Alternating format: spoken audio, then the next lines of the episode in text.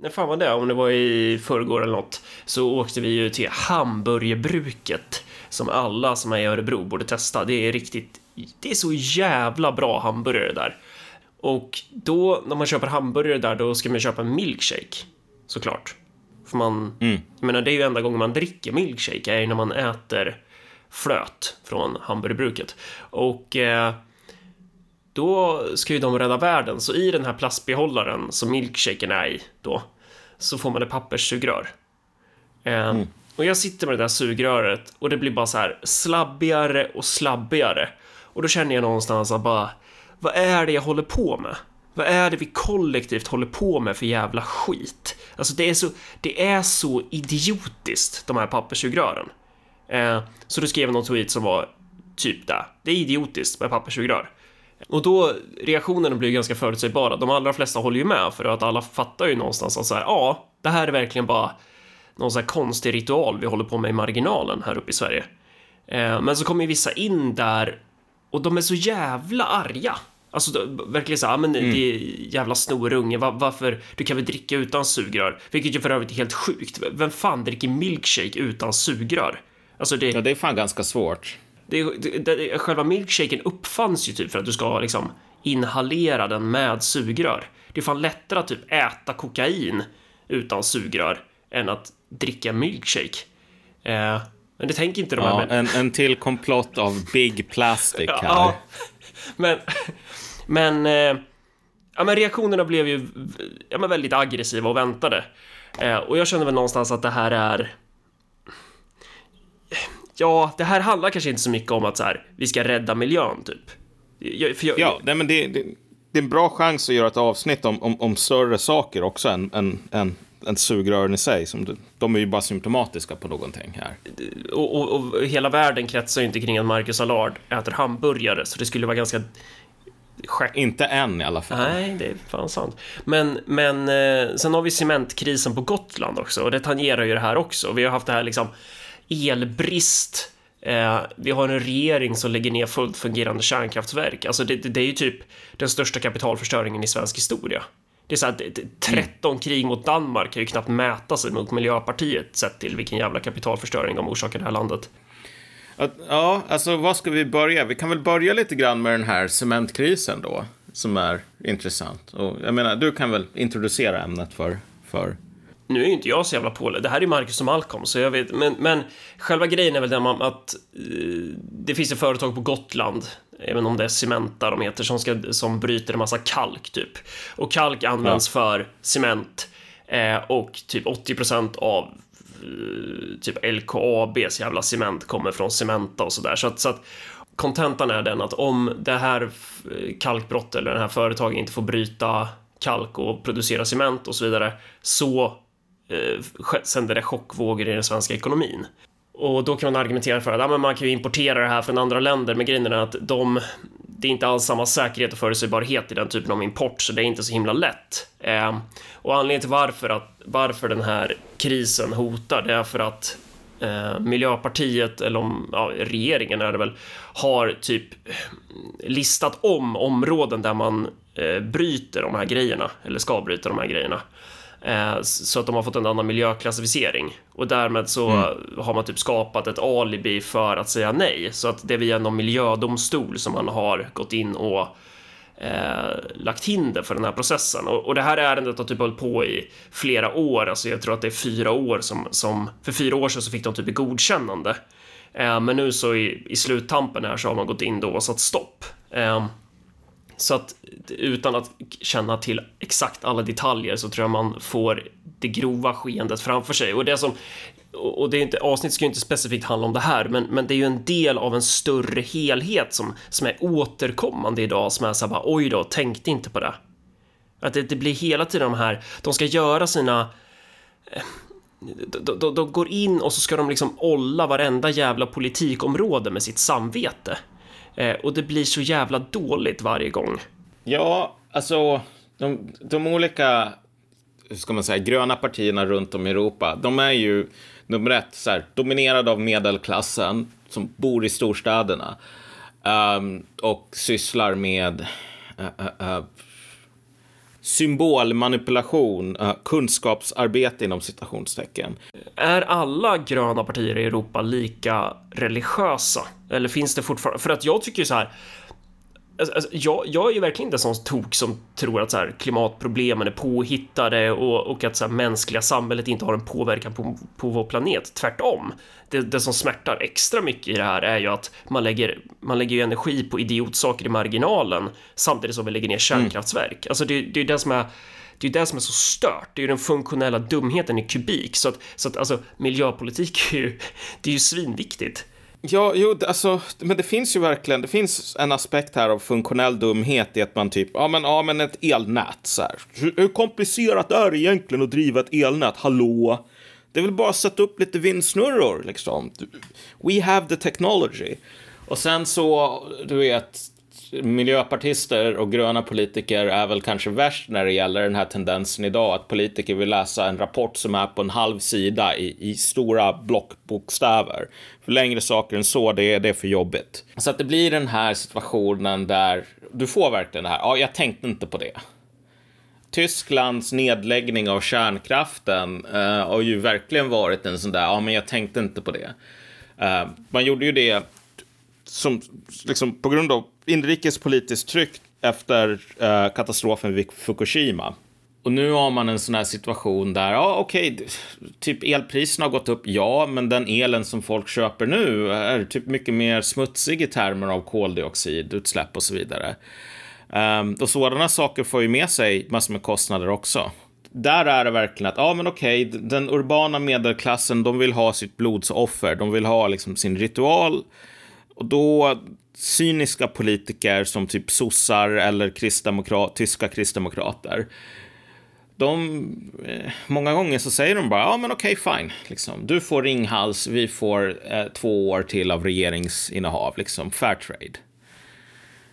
Um, men det finns ju också en aspekt här som, som jag tror har att göra med liksom själva klasskompositionen här. Att när du har ett parti som är så långt, vars väljare är så långt ifrån någon form av produktion överhuvudtaget. Mm.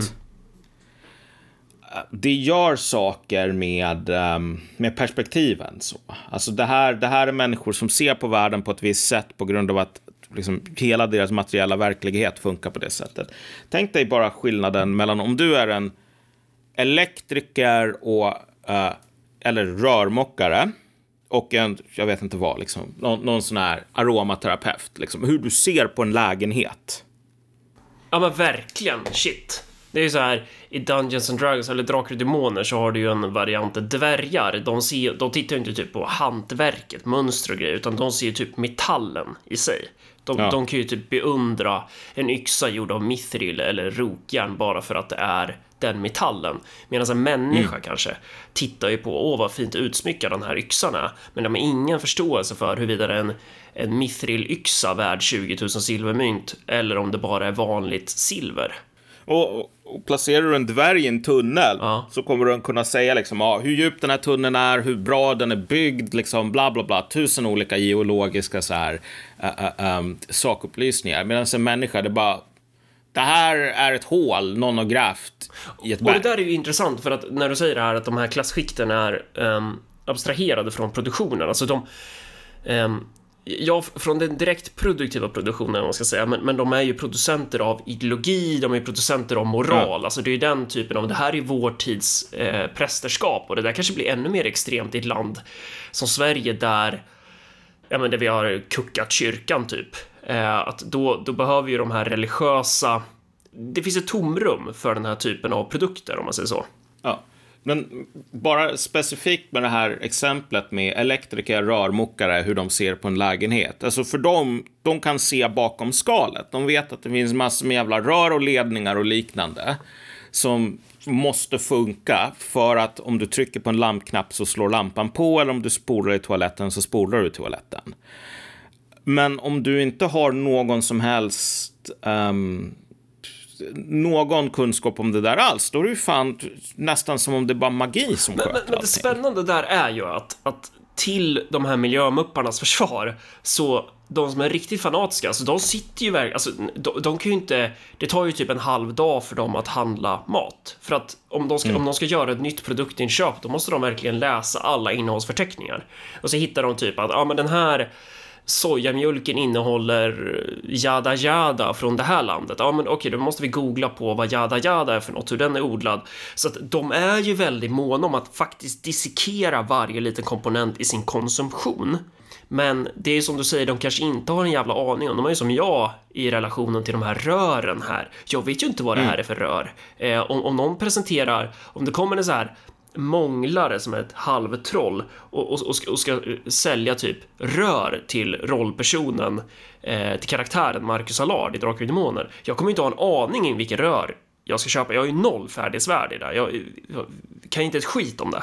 Men, men, men så, så de här miljömupparna, de, det är ju inte som att de inte har förmågan att dissekera, för de gör ju det i väldigt många delar av sitt liv. Det är ju bara det att de gör det på de områden som är lätt lättare för dem att dissekera. Och på samma sätt så kanske man kan säga om det stora folkflertalet att de flesta sitter ju inte och liksom djupanalyserar allting vi stoppar i oss med en tanke mm. på att göra rätt för miljön, typ. Eh, så, så det finns någon slags, jag menar, det, det, det, finns någon paradox, eller inte paradox, men det är, en, det är någon dubbelhet i det där att samma person som kanske, kanske tänker att man gör jättemiljömedvetna val för att man på sin Eh, på sin veckohandelskvitto kan hitta eh, stor miljönytta. Typ bara står och läser på det här kvittot samtidigt som bara slår på kranen utan en, ens tanke på hur den där jävla ja. vattnet kommer dit. Fast, jag vet inte om det är en så himla paradox. Jag mm. menar om vi talar om människor som, som, som ser på, har en väldigt abstrakt syn på samhället som maskin. Uh. Att det är egentligen det är idéer och tankar och sådana saker som drar. Jag menar, då kan du, då kan du bara räkna på någon sorts konstig matematik här utan någon koll överlag på egentligen hur förhållandena ser. Men du ser att det här är fair trade och det här är bra miljöval och så vidare. Så då måste det ju stämma. Och då jämför du antalet produkter med bra miljöval mot produkter som inte har det och så kommer du fram att du är liksom så här det ligger på plus 30 procent eller något sånt där. Okej, okay, fine, det klarar de här människorna att göra. Men min, min poäng är väl lite grann att med sådana här gröna partier så ser du en, en, en syn på den fysiska infrastrukturen och sådana här saker som typ cementtillverkning är inte nödvändigtvis fysisk infrastruktur, men det här är liksom en, en, en en, strategisk ekonomisk sektor som du måste ha den här kapaciteten någonstans ifrån. Jag menar, du måste ha cement, annars kan du inte bygga. Ja, det är, det är ju apviktigt. För att det är ja. typ så här, LKAB behöver det för att eh, stärka upp sina tunnlar och kan de inte bryta järnmalm, ja men då drabbas ju svensk exportindustri i, alltså, ja, det blir jättemycket problem. Ja, och, och då, då blir det liksom så här, okej, okay, om du inte har cement från Gotland, um, eller så här kalk från Gotland, kan du få den någon annanstans ifrån? Om du ska få den någon annanstans ifrån, finns det några så här hinder för um, att du får det därifrån, typ sanktioner? Har du den fysiska infrastrukturen för att transportera det? Typ uh, allting sådant. Och framför allt, det är mindre miljövänligt. Alltså det, mm, det, ja, det, är mindre, det, är mindre miljövänligt att köpa från Turkiet än, eller Algeriet, typ. Ja, jo, men det också. Jag menar, det är ju så här.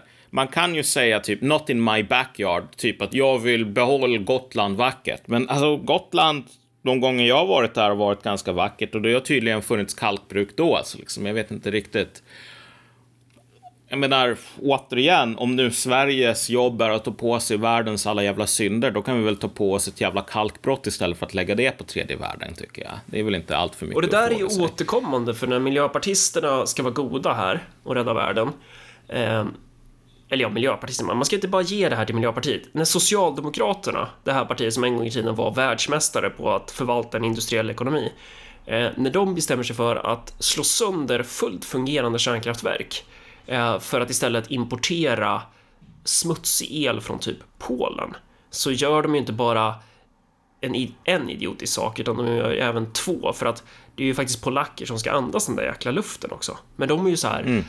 underdåniga slaver som inte är lika mycket värda som, som väljarbasen på Södermalm typ, så det spelar ingen roll. Ja, alltså, man ska aldrig gå allt för långt i den här riktningen och driva med såna här gröna partier Nej. och miljöpartister och så vidare. Därför att det här är klasskrigare, liksom. Det är inte clowner. Eh, när det gäller saker som gagnar den egna klassen, då kommer de att slåss med näbbar och klor. Och sen så är de inte...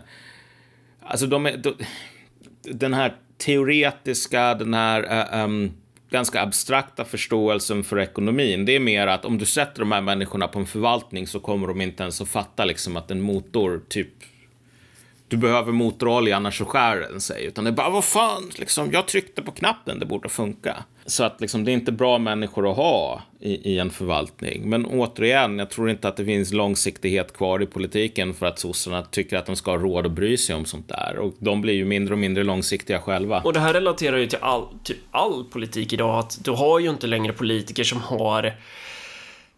Eller ja, det, det går ju... Överallt i samhället så har du det här jag, jag, jag och det där är ju en jävla floskel, men det är ju sant. Alltså, du, du har ju inte längre den här formen av pliktkänsla och i de fall du har någon form av pliktkänsla så är det ofta väldigt starkt. ehm, man, man kan härleda det väldigt starkt till typ din klassposition eller dig själv som person. Men, men, Ja. men, men typ, vad ska man säga, de gamla sossarna, om man ska ta som en, försöka göra ett exempel med vad jag menar. De gamla sossarna, um, då var ju så här, ja men vi måste tänka på var ekonomin hur ekonomin påverkas av våra beslut här och nu. Hur, påverkar, hur påverkas ekonomin på 5 år, 10 år, 20 år, 30 års sikt? Så här, om vi bygger ett kärnkraftverk idag, det kommer vara jävligt dyrt i våran budget här och nu, men vi kommer kunna betala av det och vi kommer tjäna på det på, på längre sikt. Eller som Löfven säger när han pratar om invandringen, det blir en förtjänst för samhället lite längre fram. Och den typen av perspektiv är ju oftast ganska frånvarande i, i de flesta områden, utan det är mycket mer så här. Ja, nu är jag politiker, jag har fyra år på mig, jag kanske sitter två mandatperioder. Då gäller det att jag ska samla så mycket poäng här och nu inom min begränsade turf, i, inom ramen för mitt tunnelseende. Därför blir det typ rimligt att sälja ut en massa kommunala egendomar för att frigöra kapital så att du kan göra dina egna projekt och sen säga kolla, jag byggde det här monumentet, jag byggde den här vägen. Alltså, att, kontra då den här gamla skolan som är så här bara, nej men det här är eh, så här, vå- vårt kommunala hyresbestånd, det är liksom en mjölkko som ger oss lite mjölk varje dag, men vi tjänar på det i längden. Och då har ju en liknande syn när det gäller då miljöpolitiken också, att det blir väldigt så här in, plocka poäng, ut. Eh, och, och sen s- framför allt så finns det ju ingen så här helhetssyn, typ att ekonomin är ju, Henrik Jönsson gjorde en jävligt bra video om det där faktiskt, eh, som, som man kan se på hans kanaler. Så, här, om, om, om man tycker typ att, vad ska man säga, den biologiska mångfalden, eller liksom naturen är ett komplext system, tänk dig då ekonomin. Ekonomin är ju också superkomplext system och man kan inte bara så här, ta bort en pinne i det här plockepinnet och förvänta sig att det inte påverkar de andra grejerna hur som helst. Så man måste ju vara, Ja, men man måste vara jävligt försiktig med sånt där. Men det är ju där man inte är idag. Och anledningen till varför de är så jävla ruthless är ju för att deras grundläggande drivkrafter tvingar dem till att vara det. Alltså om, om, du, är, om du är transferiat idag, det, det blir liksom ologiskt att ha den gamla arbetarrörelsens kontinuitet i ditt tänkande. Någonstans. Ja. Och du, den, den intressanta saken här, och det är ju, om du tänker dig under när Greta Thunberg var eh, hetare än jag vet inte vad. ehm, under mitten på den här absoluta hysterin som, som vi hade under en period. I alla fall en hysteri hos vissa delar av landet och andra de bara ryckte på axlarna så. Men, men det här var den delen av landet som typ skriver i tidningarna och ser sig själva som tastemakers för Sverige. Men, men, men vad, vad, vad mycket av det där illustrerar är i slutändan att alltså, vad människor ofta gör, det, det är att de använder en psykologisk liksom, mekanism som kallas för sublimering. Eh, och sublimering, det är mer eller mindre så här, typ jag är stressad eller arg över X, men det är jättesvårt för mig att greppa X. Antingen om jag säger att jag är arg över X öppet så kommer jag att lida massor med negativa konsekvenser, typ det är socialt oacceptabelt eller någonting. Um, men, eller så är det så att det är för jobbigt, det är liksom så här psykologiskt smärtsamt för mig att liksom se sanningen hos X i vitögat. Så därför så blir jag jätte, jättemån om att göra någonting åt Y. Alltså att man, man för över all den här emotionella ehm, liksom laddningen som det finns i den första grejen till, till någonting annat. Som ett sätt att bearbeta det. Och ibland så kan ju det vara väldigt så här produktivt. Typ en person som är jävligt deprimerad över att sin fru eh, har dött går och bara gymmar. Liksom. Som, som någon sorts fetisch för att lösa sorgen. Okej, okay, fine. Men med miljöpolitik, alltså när medelklassen verkligen går bananas över det, då är det fan sublimering som pågår. Nästan alltid. Anledningen till att jag tog upp det här med Greta Thunberg är ju att om du tänker dig vilka som var som mest så här, alltså messianiska, och då talar jag inte det om som i termer av någon metafor här, utan liksom, du hade det här samarbetet mellan DN och Svenska kyrkan där de skulle ha en form av väckelsemöten kring det här. Och så gjorde de en pilgrimsfärd ner liksom, till, till, till Italien. Med tåg. Um, där Björn Wiman, en journalist på DN, skrev då om liksom, hur det kändes att vara med de här resan mot det heliga landet i princip för att, för att du vet, rädda eh, kristendomen. Mm. Fast nu var det någon sorts miljö istället. Jag menar så här, en person i Björn Wimans position. Mm. Det, är så här, det, finns, det finns två saker som, som vi kan tänka oss kollapsar här. Nummer ett, typ planeten. Uh, Okej, okay, möjligtvis att planeten håller på att dö och snart så kommer det sista ljuset att släckas och det kommer inte att finnas människor kvar. Det kommer bara finnas här, encelliga bakterier kvar. Okej, okay, fine. Men det finns scenario två här som definitivt pågår, vilket är att så här, hela den bransch som Viman är en del av håller på och bara säckar ihop. Alltså, om du är en journalist, det är fan en jävla... Det, det är en, en, en greppbar apokalyps. Snarare än en abstrakt. Men då får man ju skilja på journalist som journalist. På samma sätt som du får ju skilja på en person som kör en vagn. Alltså en, chaufför, en vagnchaufför och en bilchaufför. Alltså kategorin transport, kategori taxi finns ju kvar. Kategorin journalist finns ju kvar även när DN, SVT och allt det är ödelagt och Aron Flam har strött salt över byggnaderna typ. Ja, av någon anledning så verkar Chang Frick ta det här med en klackspark. Vilket är besynligt för att om problemet var att liksom hans barn om två veckor kommer att brinna upp när du vet temperaturen i atmosfären når en 200 grader och haven kokar bort men då borde ju han antagligen tycka att det här är ett problem. Jag vet inte, till och med, till och med apan älskar sina ungar, så då måste väl Chang Frick göra det också kan man väl tänka sig. Men Chang Frick, till skillnad från Wiman, okej, okay, båda kategorierna transport, men det är inte Fricks värld som just nu genomgår någon form av social ekonomisk apokalyps. Så återigen, det är mycket enklare. Alltså om vi tänker oss bara hur, hur vad som skulle hända om folk bara gick ut och sa ah, jag tänker gå med i typ någon väckelserörelse. Därför att uh, förmågan för DN-journalister att hanka sig fram utan att typ deklasseras, den är går åt helvete. Så nu ska vi liksom skapa en väckelserörelse. Det enda som skulle hända om du sa så, det är bara haha. Det är vad resten av Sverige skulle säga. Mm. It couldn't happen to nicer people. Du skulle få noll sympati, folk skulle håna dig. Men om det är världen som det är fel på. Mm. Det är mycket enklare psykologiskt att hantera. Mm. Um, så att, så att många av de här sakerna, alltså det är inte bara att folk plockar upp någon sorts hobby som att samla hockeykort eller någonting och så tänker de att ja, vet du vad, vissa samlar hockeykort. Jag föredrar att förstöra ekonomin och typ tvinga folk att dricka milkshakes från pappsugrör. Alltså det finns säkert någon sån liksom dilettantanda i det här, men, men många gånger så finns det också en Förutom det här med att man måste ha massor med miljökonsulter som är ens egna barn och kusiner och så vidare, partivänner som man kan betala en lön åt så det finns också en, en mer generaliserad rädsla över att den egna klassen håller på att bara hotas allt mer. Ja, eller det är ju inte konstigt än att om du går till typ gamla korsfarare. Nu, nu var väl jag vet inte hur, hur, medveten man var om det, men det var ju, det fanns ju ganska geopolitiska orsaker till varför man begick korståg, typ. Att det fanns ju så här, menar, så här, imperialistiska aspekter på det där också. Det handlar ju inte bara om att sprida tron, men om det går till några riktigt fanatiska troende kristna korsfarare runt tusen strecket där. Och, och, du tittar på dem, de kanske har hela familjen investerat i det här.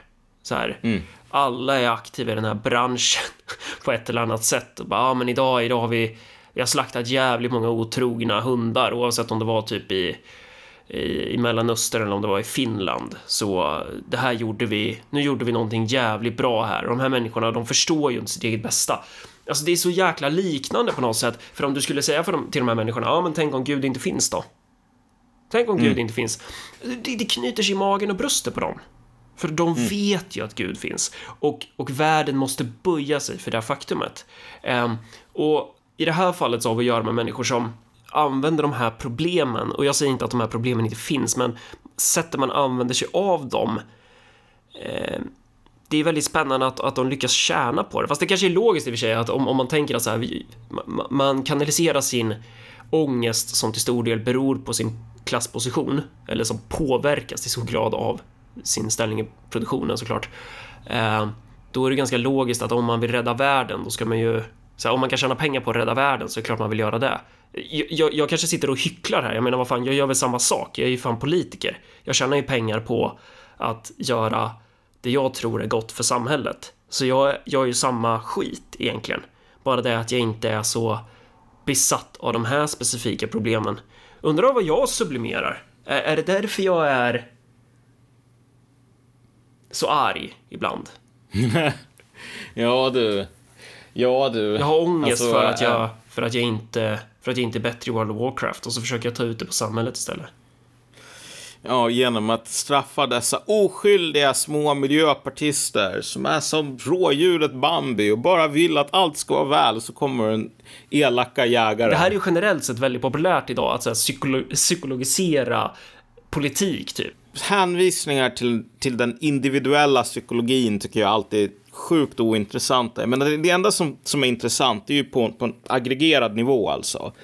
Uh, när du har massor med olika individer, individer med massor med olika personligheter. När du kan se ett mönster. Ja, exakt. Jag menar, alltså vad, vad, som driver en enskild människa är ofta ganska mysteriskt, men vad som driver stora flockar med människor, det är mycket enklare att reda ut, därför att då kan man ändå se till sådana här större samhällsprocesser. Jag menar, en sak som man måste säga här är att Sverige, typ 2015, det, det var liksom, det var ganska crazy om du tänker dig tillbaks till den tiden. Lite, lite så här kulturrevolutionär stämning, refugees welcome, så här progressiva väckelsemöten på Globen där folk håller på och gråter och du har en så här karismatisk predikant i form av, um, vad heter det nu, Rosling, RIP, mm. som, som, som typ får folk att tala i tungor nästan genom liksom att bara, här har jag min, min fakta och statistik från FN, liksom, kolla vad fint. Alltså, det, det, det är verkligen, alltså, fri, frikyrklighet med serienumren bortfilade bara. Liksom. Du, och folk som typ skilde sig för att eh, mannen eller eh, frun tyckte att ja, men vi har tagit emot för många, typ, nu räcker det. massor med sånt där. Men om du tänker i Sverige 2021, Sverige ligger inte alls i, i, i framkanten när det gäller radikalism från sådana här människor alls. Det är extremt dött på ett plan. Jag menar, det finns så här plastsugrör här och där och det finns massor med sådana där mindre grejer.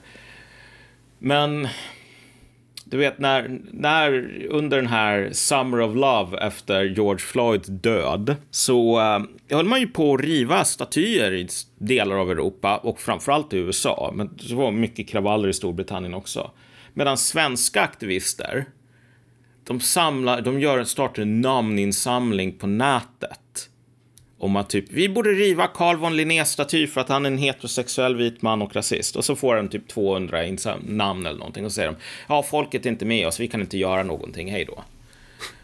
Det, det, dit jag vill komma med det här är ju att 2015 så verkar det ganska logiskt att säga att liksom, ja men du vet, Sverige, det, det är någonting unikt med oss svenskar. Landet lätt och lagom, en ny så här, svensk psykos. men vad vi ser idag är ju att oavsett den svenska folksjälens olika brister så glöden finns i andra länder. Den här liksom sublimeringsprocessen är mycket starkare i, i, i ett land som USA därför att problemen, de politiska problemen är jävligt mycket djupare.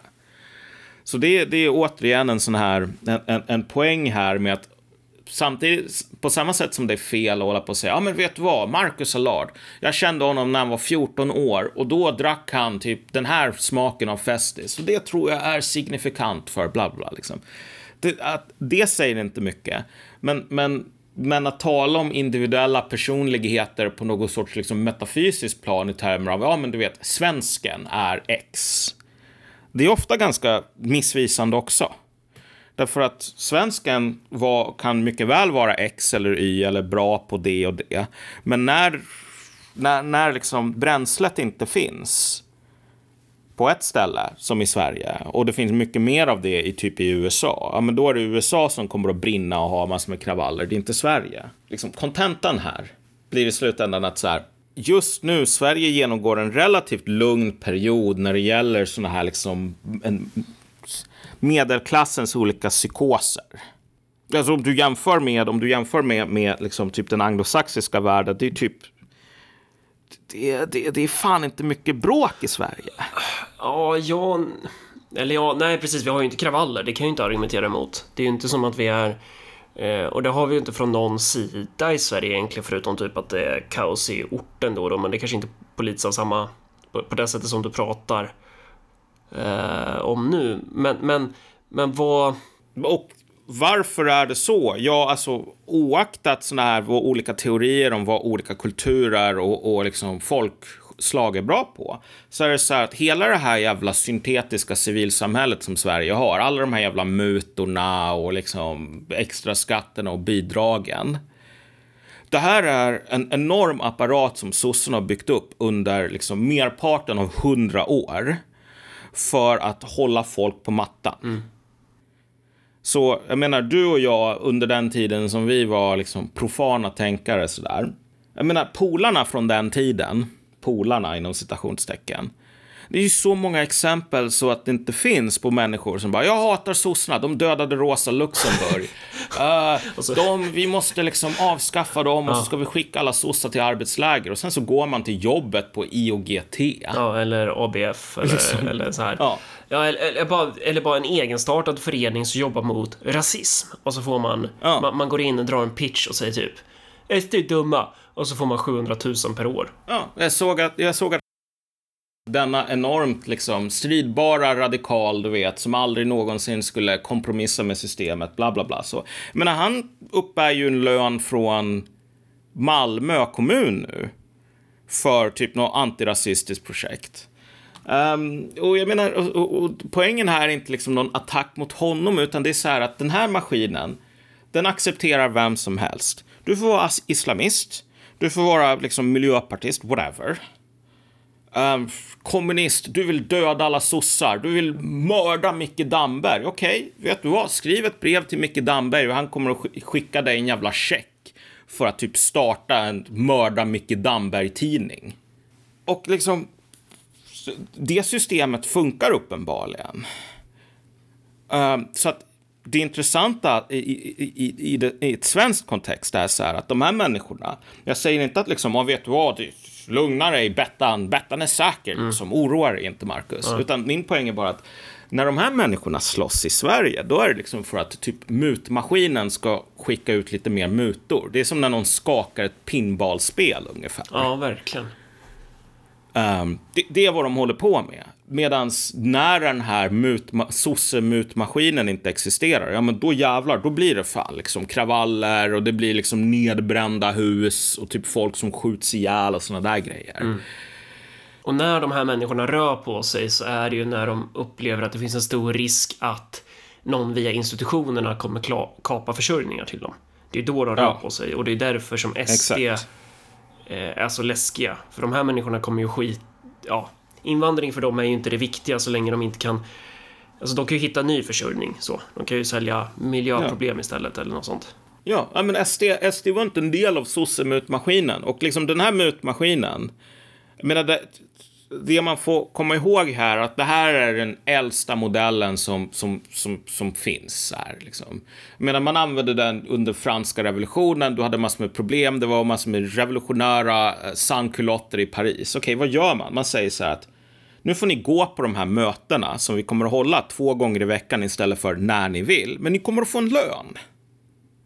Ni kommer att få en lön för att vara revolutionärer, grabbar. Alla bara, ah, skitbra, nu kan vi vara ännu mer revolutionära. Men vad som hände var ju att de blev mycket mindre eftersom den här lönen, om man tycker fel, mm. ja men då dras den in. Men så här vaccindemonstrationer och upplopp USA, Frankrike, det här med vaccinpass, du, du, vi snackade ju om det innan avsnittet, att du... Ja, alltså, det, det, är ju på ett plan, liksom, man kan inte förstå miljöpolitik utan att förstå, liksom, återigen, den här enorma paniken som det finns kring typ coronavaccin från medelklassen i, i vissa länder, inte alla. I Sverige, jag menar så här, det finns ingen skillnad mellan typ diskussionen om typ covid-vaccinet och um, jag vet inte vad, liksom pandemix eller någonting, någon jävla liksom grej som folk inte kommer ihåg namnet på för 20 år sedan. Så här det, det, det, är en liten kärna av människor som verkligen som har mycket tid på händerna, om vi säger så, och som eh, liksom har någon sån här rättshaveristisk ådra som håller på och delar artiklar. Och så finns det en, en, en större kärna av människor som säger att, ja men du vet, liksom det här, typ, jag har läst studierna typ. Det här vaccinet är, liksom, det är dumt att jämföra det med någon sån här mässlingvaccin för att det är inte samma sak. Och, och det är ju korrekt, alltså det är inte samma sak. Men, men så här, de människorna får hållas. Uh, och så finns det folk som säger nej men jag tycker vaccin är jätteviktigt. Och de, de är väl fler än, än, än, än haveristerna här. Ja, det är de. Men eller vi. De gör Va? Ja, eller vi. Jag är ju en av dem. Så här. Det är alltså, de, de, de, de flesta i det här landet går ju bara att ta sin spruta och sen håller man käften. Ja, nej men exakt. Mm. Alltså, det är liksom, men även de som säger så här, nej men vet du vad, gör din, gör din medborgarplikt. Det är liksom, det, det är inte mycket eld och lågor. Nej. Så, utan om någon bara säger nej, det tänker jag inte göra. Du vet, jag är typ 25 år. Uh, jag har redan haft covid. Varför ska jag skaffa ett vaccin? Då bara, oh, okej, okay, whatever. Liksom.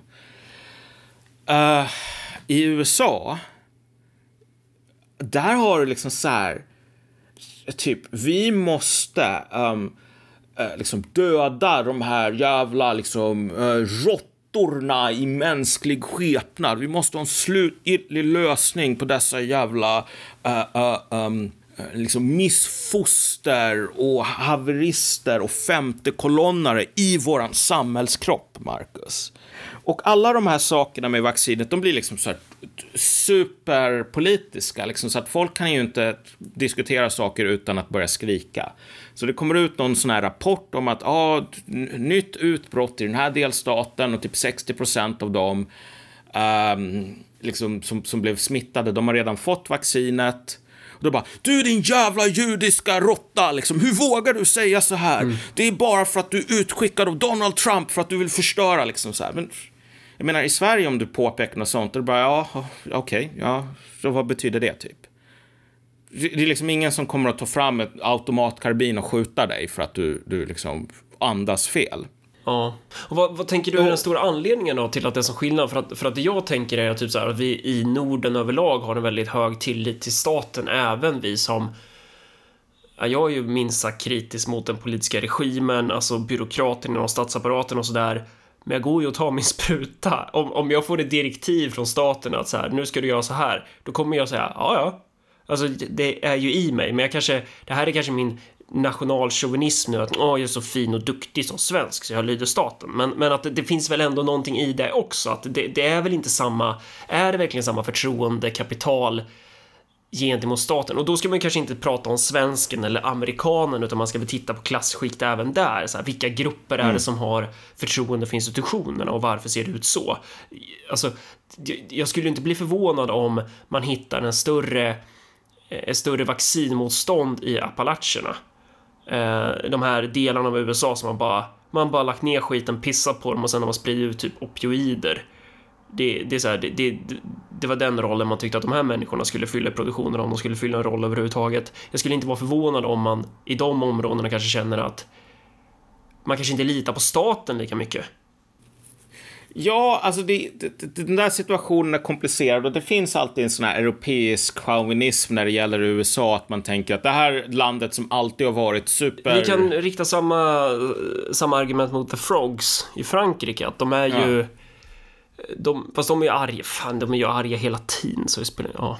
Ja, nej, men så att, så att alltså det finns säkert en viss, viss mått av sanning i, i din beskrivning här av läget i USA. Jag skulle bara tillägga att alltså, de där grejerna, brist på tilltro till staten och så vidare, är en ganska ny företeelse. Liksom, amerikaner har historiskt sett haft stor tilltro till, till, till uh, det såg man runt 9-11 också, liksom, hur, hur, hur en kris fick, fick landet att förena sig snarare Men- än att splittras. Men det kanske också är en aspekt i att, att eh, du har plusmodifikation på krig om du spelar USA. Så att du får, typ plus 21 på, eh, på ditt slag om det är så här, ja, landet drabbas av en terrorattack, vi behöver gå ut i krig. Ja, men då- då, då är det lättare att jobba via den axeln när du ska förena landet typ. Men i, i Sverige så kanske du behöver Vad behöver hända här? Jag vet inte, fot, fotboll? Ja, alltså den, den, men, men egentligen den, den, den riktigt signifikanta saken här är väl att alltså, oaktat den här frågan som vi kan lämna lite öppen om det finns bättre förutsättningar för liksom, vaccinskepsis i, i USA som har med liksom, historiska kulturella skäl. Så alltså, det, det, det signifikanta är inte förekomsten av vaccinskepsis. Det är liksom bara att, att, att det är att folk ens bryr sig i den, den mån det finns. På den enkla anledningen att nu är ju den, den, den officiella liksom, logiken bakom att, att vaccinera sig idag, um, enligt i alla fall av vad jag har läst, så här att det här är ett vaccin som kommer att skydda dig mot, um, inte mot att bli smittad, utan mot um, de mer allvarliga symptomen. Så jag menar, människor som springer runt utan vaccin, uh, det är ja, okej, de, de kommer att ha ihjäl sig själva i yttersta fall. Liksom. Okej, Okej, whatever, typ. Kan man ju tycka skulle vara attityden. Okej, om ni i Appalacherna vill ha liksom en dubbelt så hög risk att dö, ja, det är ert jävla problem. Men, men, men just den här, um, alla de här ritualerna, för, för liksom, om du tycker att plastsug eller papperssugrör är jobbigt. Alltså det, det är liksom, Ja, jag kan hålla med. Liksom. Jag, jag tyckte också att det var jobbigt förra gången jag köpte någon jävla smoothie på, på, på centralstationen i Stockholm. Och, och liksom vetekatten gav mig en sånt där jävla sugrör. Det, det tyckte jag, och du vet, det smakar papper också. Alltså det, det liksom, let's be, let's be real. Men i termer av liksom hur stor del av din dag det är, det är en ganska liten del av din eller min dag.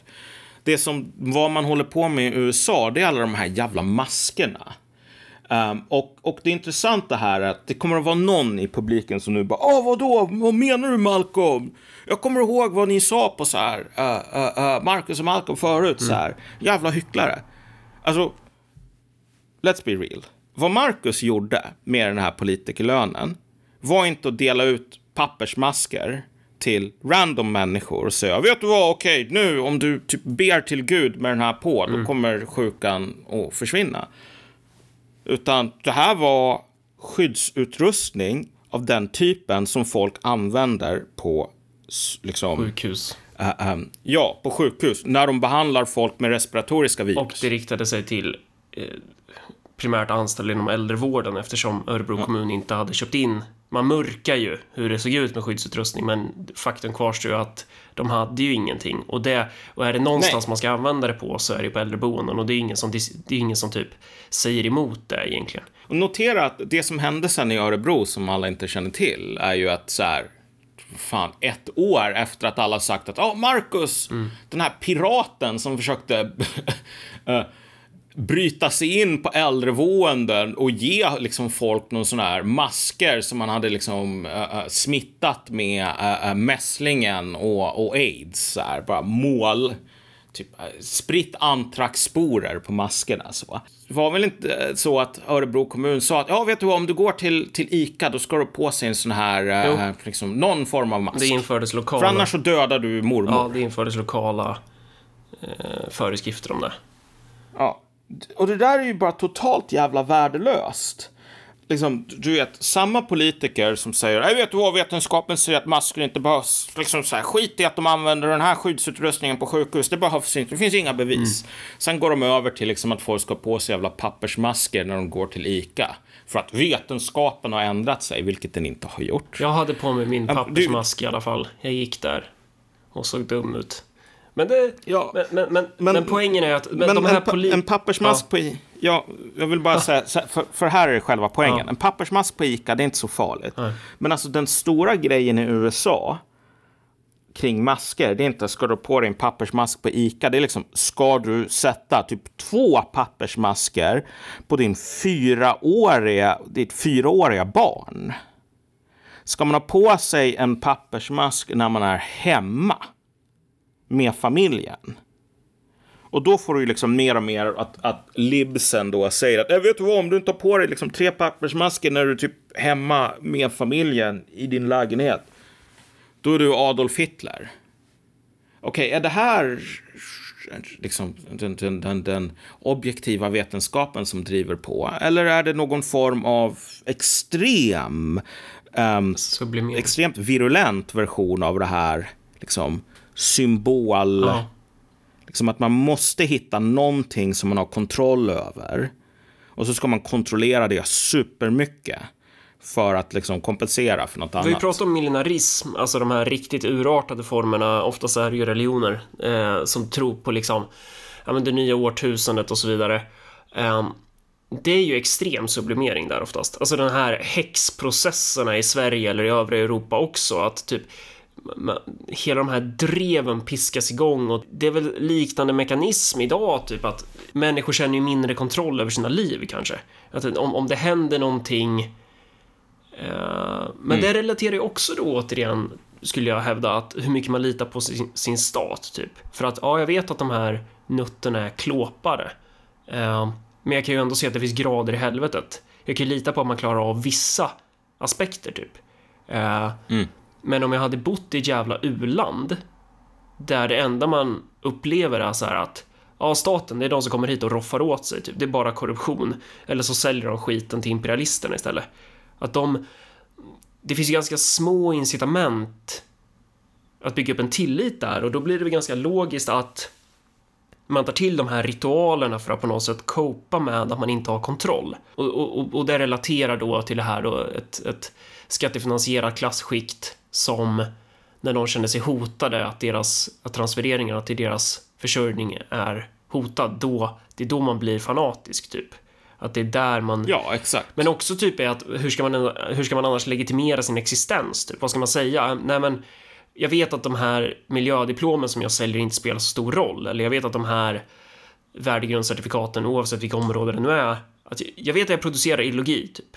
Uh, och, och, jag ja, kan inte bara säga... Jag är en parasit, Exakt. men även parasiter behöver leva. Ja, precis. Det argumentet går ju inte hem. Du måste ju ha den här ideologin, och det har vi tjatat om flera gånger. Den här ideologin är så jävla nödvändig för att, för att du ska kunna reproducera dig överhuvudtaget. Men, men det blir ju en folktro. Alltså jag vet ju själv, jag har ju tänkt, fan jag har ju varit distriktsordförande för Ung Vänster, jag har ju varit helt inne där också, men även där ska ju sägas att där fanns det ju ändå en, um, i alla fall två grova fåror när man tittar på politiken att det fanns ju en jävligt vettig del av det där också som var så här att nej, men nej, vi ska inte individualisera det här. Vi ska inte mm. göra miljöproblemen till en jävla handelsvara som typ individen ska här, konsumera sig fri från. Precis som kapitalismen mm. har gjort. Den har ju korporerat, alltså det här är ju inkorporerat i, i, i systemet så. Eh, kontra då den här andra tendensen som är dominerande idag som är just det här med piska dig själv på ryggen eller vara en jävla kättare. Mm. Och man finner sig själv i en situation där man försöker typ diskutera med fakta med de här människorna. Som till exempel, ah, men, nej men det är faktiskt inte plastsugrör från Sverige som gör att eh, sköldpaddor får skit i näsan. Eh, det kanske inte ens är engångsartiklar från plast överhuvudtaget som står för merparten. Det kanske typ är så här fiskindustrin, jag vet inte. Kanske finns andra grejer som gör att vi blåser ut skit. Alltså, men det är inte, det, det, då gör man ju fel för att de är inte intresserade av det, det handlar ju någonting annat. Det är inte så här, det, det, är ju, det, är en djupare konflikt typ. Så det man ska göra med Ja. miljöpartister, det är bara, bara skita i dem. Alltså bara vara var medveten om att de är galna, de företräder ett parasitärt klassskikt eh, och de har motstridiga intressen gentemot folkflertalet. Mm. Och, men det betyder Exakt. inte, det betyder inte typ så här att ja, och därför ska alla gå och hälla uran i närmsta grundvatten eh, reservoar eller whatever, typ. Vi ska hälla kvicksilver i, i vårt dricksvatten och sånt där, utan tvärtom att så här om man blir av med Miljöpartiet, om man blir av med de här parasiterna som använder de här problemen som ett alibi för att reproducera sig själv som klass. Det är först då du kan göra verklig förändring. Det är först då du kan fatta rationella beslut. Du kan titta så här, okej, okej, men majoriteten av svenskarna använder bil. Det är ett stort land, speciellt på, på glesbygden. Du är beroende av bil. Kan vi, kan vi föra en politik som är rationell kanske? Kan vi, kan vi försöka subventionera bränslepriser? Kan, vi- kan vi få ner våra utsläpp på annat sätt? Kan vi typ så här tänka att eftersom miljö miljöproblemen är globala skulle vi kanske kunna ställa om delar av vårt bistånd där? Eh, så, att, så att vi får mer effekt per krona i ett annat land. Typ. Vi hjälper ett fattigt land att ställa om, ett land som inte har råd med det. Och framförallt, vi är fan i kärnkraften. Vi låter den puttra på. Vi, vi lägger inte ner den. Vi förstör inte den. Men, men nu har vi ju, och det är därför det blir så jävla motstridigt, för att det handlar ju inte om att rädda miljön, utan det handlar ju om att rädda en klass och använda miljön som en murbräcka för det. Ungefär som du hade alla de här liberala revolutionerna 1848, det är liksom the springtime of nations, som man kallar det på den tiden. Och så hade du Storbritannien, England, som var typ, här händer det, här är det några så här demonstrationer, sen är det över. Folk bryr sig inte så jättemycket. Och det var ju för att England hade på något plan gått före med Magna Carta och allting sådant och hittat någon ny form av liksom, politisk kompromiss så att, att, att eh, bourgeoisien fick sitt och adeln fick sitt så att de inte behövde bråka. Men där den här kompromissen inte fanns, ja men då blev det knas. Sverige har blivit någon liksom, motsvarighet och just på grund av den här enorma mutmaskinen, återigen. Vilket gör att när de här människorna slåss, då är det liksom, ja men mer mutor till mig tack. Men det är ju en maskin som i sig eh, inte är optimal för ett samhälle att ha. Den kommer ju pusha motsättningarna också. Eh, för det, för, Ja, att då, för resultatet av den är ju att vi har lagt ner vi sabbar fungerande infrastruktur. Alltså det går inte att... Ja. Det går inte att... Det är så sjukt. Det är så jävla sjukt. Är det. Eh, Eller, eller det här med den här cementkrisen också. De här återkommande problemen är ju en del av de här mutorna till det här skiktet för att de har ju infesterat, om det ens är ett ord, eh, våra institutioner. De sitter ju där. Det är en klass som huserar i byråkratin. Eh, och när de... Det, det, det är ju, för det hade ju varit en sak om det bara var så här, här är eran barnhage och så kommer vi och kastar ut lite hönsfoder till er då och då. Eh, och så tar vi in era färgglada powerpoint-presentationer och låtsas som att vi bryr oss om er. Men det är ju inte så. Sossarna har ju satt de här jävla asen i regeringsställning. Sossarna är ju en del av det här problemet också, ska det sägas. Den, den här typen av klass och den här typen av ideologi, den går ju så djupt in i svensk politik för att det är ju kring de här klasserna som, som politiken kretsar. Så att, så att det är ju det som är problemet då, att även i vår modell så blir det ju bajs. Fast, fast vi har inte fått de här skarpa kravallerna än då, som vi har i USA. Men vad är din analys till varför det är så i USA då? Vad är det som gör typ att de här känner sig så jävla hotade så? De här skikten. Jag menar, alltså, USA har ingen institutionaliserad sossemutmaskin. Um, alltså, sossemutmaskinen i Sverige, den kom ju ifrån att socialdemokratin var, alltså partiet var en, en liten del av en mycket större rörelse, varav inte hela rörelsen ens var socialdemokratisk, om du tänker i nykterhetsrörelsen och så vidare. Ja, eller typ kommunisterna och syndikalisterna om man ska räkna in dem i arbetarrörelsen också. Men jag inte. Ja, fast de, de, de såg man ju som fiender snarare än som fellow travelers Jo, på många sätt. ja, men inte alltid. Nej. Men, men, men, men hur de blev uteslutna, de var de första man, man gjorde någonting åt. Slängde ut dem i tältet. Men sen så har du det här dilemmat som typ alla liksom, politiska krafter som springer ur folkrörelser som sen når makten har, Mm. vilket är att typ ju mer ehm, oberoende de här olika organisationer är, desto mer kan de ställa till med trubbel för oss. Så vi vill gärna ha dem kvar för att det här är vårt arv och där vi kommer ifrån, men vi måste ha kontroll över dem. Så därför så börjar man med liksom, det här med kulturföreningar och så vidare. Det var ju bara en, en, en applicering på invandringsproblemet då, liksom, med, med, av en metod som man hade använt för att tämja liksom hyresgästföreningar och um, nykterhetsföreningar och så vidare. Alltså USA har ingen motsvarighet, så liksom den federala staten har Alltså, det, kolla, det finns ingenstans som en person som eller någon annan, liksom, massor med andra sådana här polare från vänster, gamla kamrater. De bara, okej, okay, men nu har jag lekt färdigt, ge mig ett jävla jobb. Jag vill ha 30-32 000 i månaden. Liksom. Det är mitt pris, annars kommer jag ställa till problem. Mutorna i USA, de är till för typ Lockheed Martin och liknande. Det är så här, om du är redan superrik och vill bygga grejer som inte funkar, då finns det en kanal. Liksom, det finns ett nummer du kan ringa Sättet till. Sättet de, de eh, beskyddar verksamheten ser ut som sådan att du behöver ju ha mycket fetare ideologiskt tryck.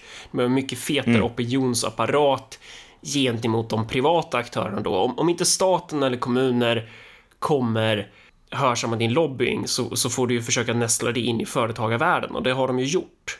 Alltså, då, då, ja, alltså det här, är, det här är ett intressant ämne nog för, för ett eget avsnitt, så vi ska inte bränna allt krut. Men det, men det man kan säga är väl att väldigt många av de stora kontroverserna, inklusive typ vaccinering och så vidare, men framför allt det här med vad man ska lära ut i skolan, det här med critical race theory, liksom normkritik, att det håller på att bli mycket mer av en det här kanske är bara jag som är naiv inför, inför hur långt saker har gått i Sverige, men, men jag upplever inte att det finns någon enorm vurm för någon sorts aggressiv, liksom, normkritisk verksamhet i svenska skolor. I, i bemärkelsen att man ska liksom ha sådana här, du vet, separera skolklasser utifrån hudfärg. Um, och liksom så här, svarta ska grupparbeta med svarta, vita med vita och liksom kritisera liksom vitt privilegium och sånt. Men, men det, det håller man på att införa på delar, eller försöker i alla fall införa i, i delar av amerikanska skolor. I början så kan man ju tycka att nej, men det här handlar bara om ideologi. Eller liksom vad man folk är rädda för, jag vet inte vad, att Trump ska bli president igen. Så därför håller de på och tror att liksom, om jag har på mig fyra pappersmasker, då kommer jag att kontrollera mitt eget öde. Men, men djupare så finns det ett, ett mycket större problem här med USA, vilket är att USA är ett decentraliserat land. Ganska i en väldigt stor bemärkelse jämfört med Sverige. Liksom. Visst, vi talar ofta om, du vet, kommunen, det är som en djungel som typ Vietkong kan gömma sig i för att, för att undvika helikoptrarna och så vidare. Men, alltså, och, och det finns jättemycket um, rörelsefrihet och liknande i kommuner därför att det här är en nivå som implementerar väldigt mycket. Den som implementerar har alltid makt. Men, alltså, USA består av 50 länder med um, egna domstolsväsenden, egna riksdag, liksom lagstiftande församlingar, egna liksom presidenter i, i miniformat i form av guvernörer. Alltså om du styckade upp det landet i 50 bitar, det finns inte så himla mycket du skulle behöva lägga till, typ utrikesministerium och liknande. Sådär. En del grejer skulle man behöva uppfinna från noll. Men mer eller mindre så skulle du kunna ta apparaten som finns i typ Alabama och säga okej, okay, Alabama är ett eget land. Mm. Det kan man inte göra i, med Örebro. Mycket av det, den striden som finns nu är att man försöker slå sönder alltså den här federalismen. Därför att federalism är så jävla du vet, ineffektiv. Om människor i Alabama får bestämma över sig själva, vad fan kommer det att leda till? Klassintressen, eh, de är ju geografiskt betingade också såklart, för att produktionen är ju mm. extremt, speciellt i USA så kan du väl verkligen se en geografisk uppdelning i hur produktion, eller ja, det, det är ju en konsekvens av kapitalism överlag, att så här, du, du får ju olika former av industrikluster av olika kategorier i olika stater, vilket ju betyder att du kommer ju få vissa klasser kommer ju dominera vissa stater då jämfört med andra. Kalifornien är ju, mm. det är ju den här superprogressiva woke delen typ. Östku västkusten och östkusten är väl det i princip. Mm. Uh, Men det där blir väl då intressant i en federation då, när de här klassintressena ska slåss mot varann, men att det kanaliseras via olika st staters intressen då, så att det blir eh, en konflikt på mellan delstater. Fattar du vad jag menar? Ja, att, alltså definitivt. Mm. Den, den aspekten finns. Alltså i, i, i sig att liksom, om, du har ett, om du har ett federalt system, väldigt många beslut, menar, alltså beslutskompetensen ligger inte hos centralmakten. Mycket har man försökt att liksom, alltså nästan alla stora kontroverser i USA i slutändan, om man, ska, om man, om man pillar lite på ytan, skrapar med fingernaglarna, så ser man liksom hur den här striden mot federalism ligger i, i, i botten. Typ. Allt det här snacket om, um, vad heter det nu, det här med röst, liksom eh, reformer av lagar för hur, hur, man, hur det ska gå till att rösta i ett presidentval. Det håller ju folk progressiva på skriker om att det här handlar om, liksom, du vet, avskaffa demokratin. Alltså, Sverige har ingen demokrati i så fall eftersom du måste ha ID och liksom Sverige bryr sig extremt mycket om att se till så att röstlängderna är, är korrekta. Så, ja, så att behöver... folk inte kan gå, gå och rösta fem gånger typ. Ja, nej. Sen har du ju eh, vårt nya härliga... Även där har vi ju berikats av nya problem när det gäller alltså, röstande i kommuner och regioner. Du behöver inte ens vara medborgare ja. för att rösta där, vilket ju är sinnessjukt. Men, men ja, äh, men... Jo, jo det, det, det är ju jättedumt men, men, så, det håller Men vi har ett system i Sverige, det har man väl inte ens i USA. Då har du väl typ även där ett lapptäcke av olika system och olika sätt du räknar rösterna på och det är, det är verkligen du har klibbat ihop det där landet med silvertejp och Karlssons klister typ. Ja, men så är det ju självklart. Sen kan man ju säga att alltså, Demokraterna har, deras intressen här är kanske att man har mindre koll på hur röstlängderna ser ut sådär, än, än att man skulle ha mer koll. Um, men, men saken är den att så här, under, under liksom den här kontroversen om ska man, typ, är det fascism och behöva någon form av ID-kort uh, eh, när man röstar? Är det fascism att göra en kontroll av så signaturer vid poströstning när man inte kan kontrollera ID-kort? Så det här, det här är beslutande kompetens för delstaterna. Alltså det är delstaterna som bestämmer hur, hur reglerna för lokala val ska se ut. Och nu försöker den federala staten säga att nej, men ni får inte längre göra det. Och jag förstår inte hur de ska få ihop det här konstitutionellt, men, men det är också lite grann problemet. Så att alltså klassintresset här är att om du ska bygga upp en sossemutmaskin så att kamrater i Portland ska kunna typ säga, ja vet du vad, nu har jag lekt färdigt liksom. Nu lite så här nerbrända federala domstolar här, spöade liksom uh, uh, Twitter-journalister där. 30 000 i månaden. Ge mig, liksom, give. Om du ska ha en, en sossemutmaskin, landet, alltså, du behöver um, surplus value, liksom. Du behöver ett överskott. Och eh, givet att sådana här um, decentraliserade system är mer robusta men också mer ineffektiv, så är det mycket svårare att krama ut liksom, ett överskott. Ett federalt system är inte designat för att max antal liksom, skattekronor, eh, enheter makt ska centraliseras på en enda plats. Ett, ett federalt system designat så att typ mammor i norra Virginia ska kunna bestämma genom sådana här school boards och liknande um, som man har lokala val till. Typ hur, hur skolan ska skötas i lokala Virginia. Så att så att vad många amerikaner ser konflikten kring så här critical race theory och liknande som det här, det här handlar om, du vet, folk som hatar väst mot folk som älskar väst. Ja, alltså vad det handlar om är att man måste slå sönder ett skolsystem som det finns liksom någon form av lokalt inflytande. Eh, det finns inte någon större centralisering i. Därför att det är bara genom den här enorma centraliserade maskinen som du kan skicka in massor med jävla liksom, kommissarier som får några hittepåjobb. Så. så att om du ska skapa möjligheterna för transferiat mm. av, av den digniteten som det finns i Sverige, den här enorma mutmaskinen som får folk att säga ah, våra kamrater i resten av världen som hatar rasism, de bränner ner statyer, de bara går ut och så spöar de skiten ur polisen om polisen säger att ni får inte välta den här statyn. Liksom.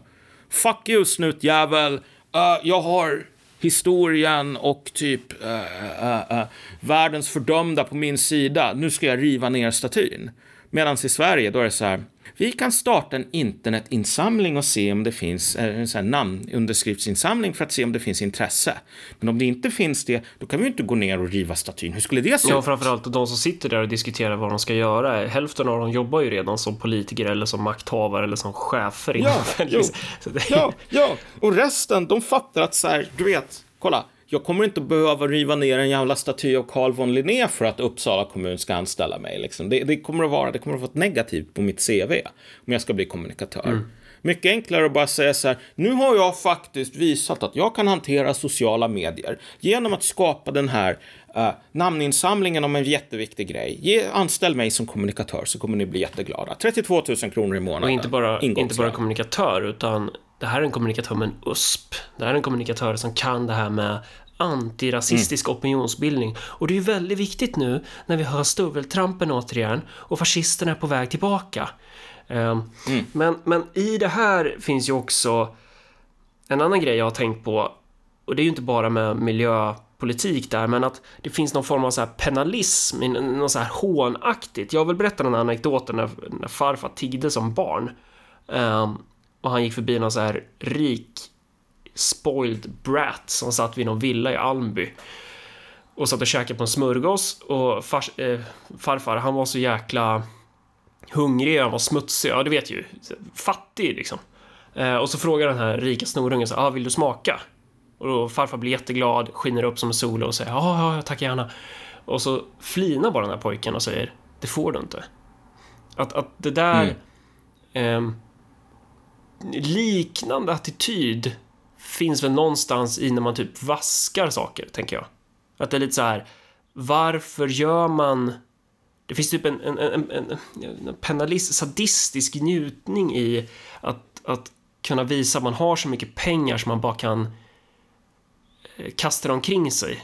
Som, som det här klippet med, jag vet inte vilken film det är, men det är, jag tror det är Stellan Skarsgård som spelar någon snubbe i den filmen, så är det någon som kommer in det här är ju en så jävla dåligt sätt att referera till en film, men det, det, det är en film då, då en av de här rika asen i filmen eldar pengar. Han, han har typ drivit in någon skuld eller någonting och så får han in pengarna och så bara eldar han upp dem och så säger han det här är en principsak och den här fattiga stackaren som eh, han var typ tvungen att typ sälja sin enda arbetshäst eller någonting. Jag kanske refererar till den här filmen helt fel, men att ni fattar poängen att det är så här. Det, det där sättet, den attityden, det finns ju också i politiken du kan stå där och hälla ut tre flaskor champagne som är svindyra bara för att ja, jag kan. Och så kan du verkligen få typ, du kan bli fuktig på ditt ollon när du tittar på hur människor som inte, de skulle behöva jobba i ett halvår för att ha råd med en sån där flaska. Hur de liksom tittar på dig. Eh, men du känner att du har makt över dem. Eh, du känner att det här är, det är dygdigt det jag gör just nu. Och det sker då och då att när de här politikerna har röstat för helt idiotiska grejer, om de röstar för något konstverk eller någonting och man har varit uppe och sagt så här, men det här är så jävla dumt, vi borde ge de här pengarna till de här undersköterskorna som de går på knäna redan nu, de har bokstavligt talat inte en pott att pissa i. Eh, och, du- eller, typ så här, nå- någon stackare som inte får sin eh, ja, men så här, ma- massa problem inom kärnverksamheten, vi borde adressera dem istället. Och de, de här politikerna röstar ändå igenom det för att, så här, citat, eh, högerpopulisterna eller fascisterna eller vad det nu kan vara, eller beroende på vilken dag det är, så här, marxist-leninisten Allard, typ, ska inte ha makten över att sätta stopp för kulturen. Och så vänder de sig om och hånflinar. Det finns någonting, det finns, man, ska inte, det här är inte irrelevant tendens av att förstå vår nuvarande politik. De här människorna, Eh, även uppe på ministernivå, sitter de där och dinglar med benen i sina skrivbordsstolar och hånflinar när de gör vissa saker. De, det, det, det finns en, det finns en, eh, vad ska man säga, Ehm, de blir väldigt tillfreds med att kunna typ eh, posera med kanske, vad ska man ta, Yasin eller, eller göra såna här grejer som de vet provocerar. För det är, det är ett sätt att vaska, det är ett sätt att provocera, det är ett sätt att... Och också därigenom då visa att kolla vad jävla överlägsen jag är. Och det där mäter man ju i relation till sin egen moral då. Så när de här människorna gör så att hemtjänsten i Örebro inte får använda bilen när de ska köra ut matlådor eh, för att man ska rädda klimatet. Så istället så måste man cykla de här jävla matlådorna, inklusive i snö och slask. Slira runt med den där skiten så det blir sämre för brukarna som får kall och tumlad mat och det blir sämre för de redan sönderstressade anställda inom hemtjänsten. Då finns där också ett hånflin. Det finns en mm. tillfredsställelse från de här människorna när de gör de här sakerna, när de tvingar på övriga de här besluten. Så, så, så, så man ska inte underskatta det heller. Nej, men så är det ju. Det finns den här penalismen. Det är ju återigen på grund av att folk förväntar sig av politiker en viss sorts klassolidaritet och att man inte liksom säger vad hela skiten handlar om. Um, och folk som bryter mot det, nu verkar ju inte typ SD i Örebro vara några eh, så här, superbra alltid, om, om, om jag ska uttrycka mig diplomatiskt här. Men jag menar, det här är ju en erfarenhet som ganska många i SD kan, kan rapportera om också, om att liksom det stora problemet var ju aldrig egentligen vad de tyckte, utan att ni är utanför mutmaskinen, ni är inte som oss, ni är liksom potentiellt farliga av en, enkom av den anledningen, fuck you. Nu ska vi lägga en pruttkudde på stolen liksom i matsalen och liksom sådana där, bara dumma grejer. Men återigen, liksom, de funkar så länge som du har att göra med människor som är jävligt måna om att förr eller senare bli en del av liksom, gemenskapen. Har du människor som säger, vet du vad, fuck din jävla gemenskap, jag är inte här för att bli, bli era vänner, så liksom, er vän. Ja men, ja, men det, Då funkar det det handlar inte. ju också om hur du, hur du legitimerar ditt styre. Alltså en, en härskare som, som har förmågan att kunna säga eh, ja, men vi kan skriva av din skuld. Eller du vet, som inte eldar upp pengarna när pengarna kommer in efter det att den här fattiga stackaren har dödat sin, slaktat sin sista häst typ. Eh, en härskare som är mer rimlig kommer ju också ha större chans att kunna sitta kvar. Eh, generellt, antar jag. För att till slut så kommer ju folk se den där dekadensen. Man kommer se att det här är inte bara den här rationaliteten man säljer, utan det här är, man kommer börja kodifiera det som ren ondska. Eh, och då kan man stå där med sina jävla miljökonsulter och sina kommunikatörer och sina max 20% av den svenska väljarkåren. Men, men eh, då är man, ja jag vet inte, jag tror inte man har så mycket att sätta emot typ en populistisk barbararmé i ett sånt läge. Men det här finns ju hos journalisterna också, exakt samma attityd. Det här skriva om typ så här bra blev kulturkvarteret. Det gör de ju för att, för att de själva känner ju det, det är så kul att liksom vifta med det där framför näsan på, på de som helst inte vill att man ska vaska deras skattepengar. Ja, men som sagt, alltså först så ignorerar de en, sen så skrattar de åt den, sen så slåss de och sen så vinner man. Liksom. Stay, stay tuned comrades, the day of reckoning will come. Um, jag tror vi, vi får väl kanske sätta ett bokmärke i diskussionen där, för, för jag måste faktiskt ha och röra på mig. Um, Kom ihåg att ta med plastsugrör om du ska köpa en milkshake. Det går ju fan inte. exakt. Ja, men... Nej, du, jag dricker inte öl med sugrör, min vän. Nej, det gör inte jag heller. Det var ju typ folk som trodde det när jag twittrade. "Och Varför dricker du med sugrör? Varför ni är alkoholister